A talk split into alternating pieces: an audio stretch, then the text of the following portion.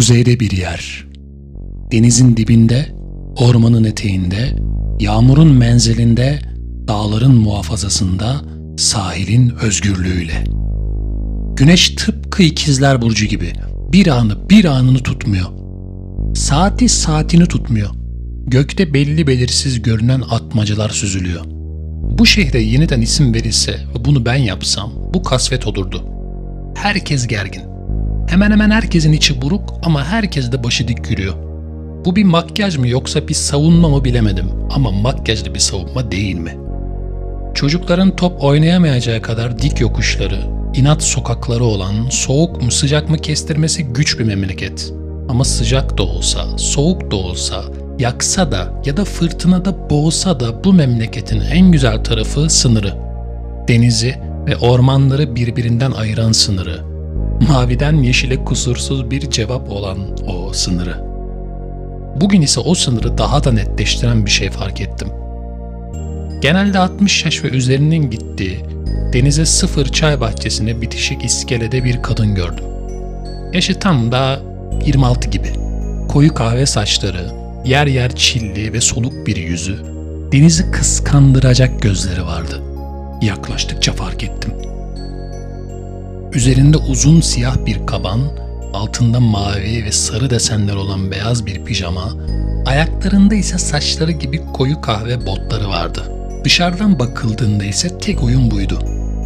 Dikkatimi çeken elbette bunlar değildi. Hava rüzgarlıydı, fırtına tetikteydi ve bu kadın ayakta sadece karşıya bakıyordu. Karşısında kimse yoktu. Deniz de yoktu, orman da, insan da. Denize ve denize paralel uzanan dağlarla paralel bakıyordu yola. Ki onun gördüğü bence yol değil, koca bir boşluktu.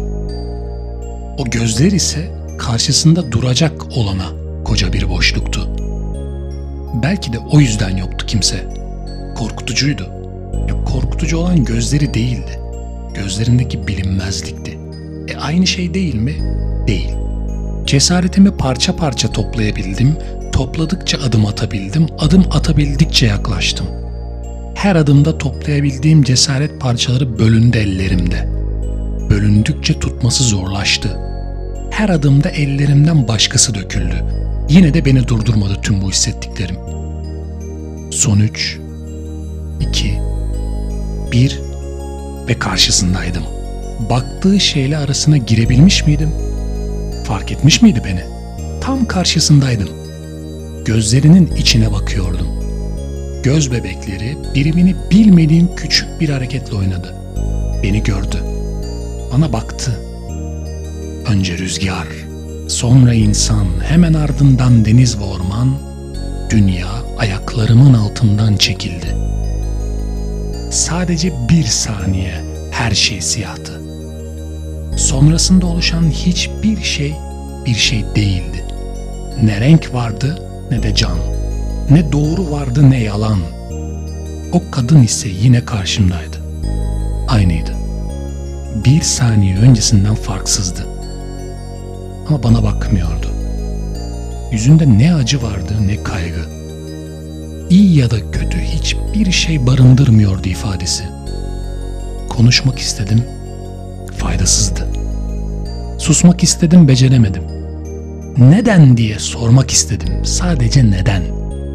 Ne bir özne, ne bir nesne, ne de başka bir detay. Sadece neden, tüm bunlar neden.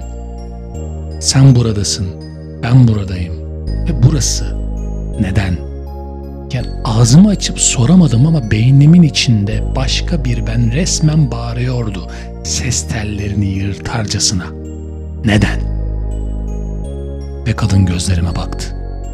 Zemini olmayan bir mekanda zelzele yarattı. Aklımın gözlerimden kulaklarımın arkasına yavaşça ve bastırarak çekildiğini hissettim.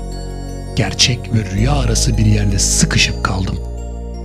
tavanı tabanı dört duvara aynalardan oluşan bir odada buldum kendimi. Her aynanın her bir parmak ucu edebilecek alanında kadının gözlerini gördüm. Gözümü kapadım, simsiyaht. Gözümü açtım, boğuldum. Gözümü kıstım, gördüm. Sonra duydum. aranıza Yeni geldim ben Fazla kalamam Ama geri dönemem Aslında Yeni geldim ben Çok bir şey istemem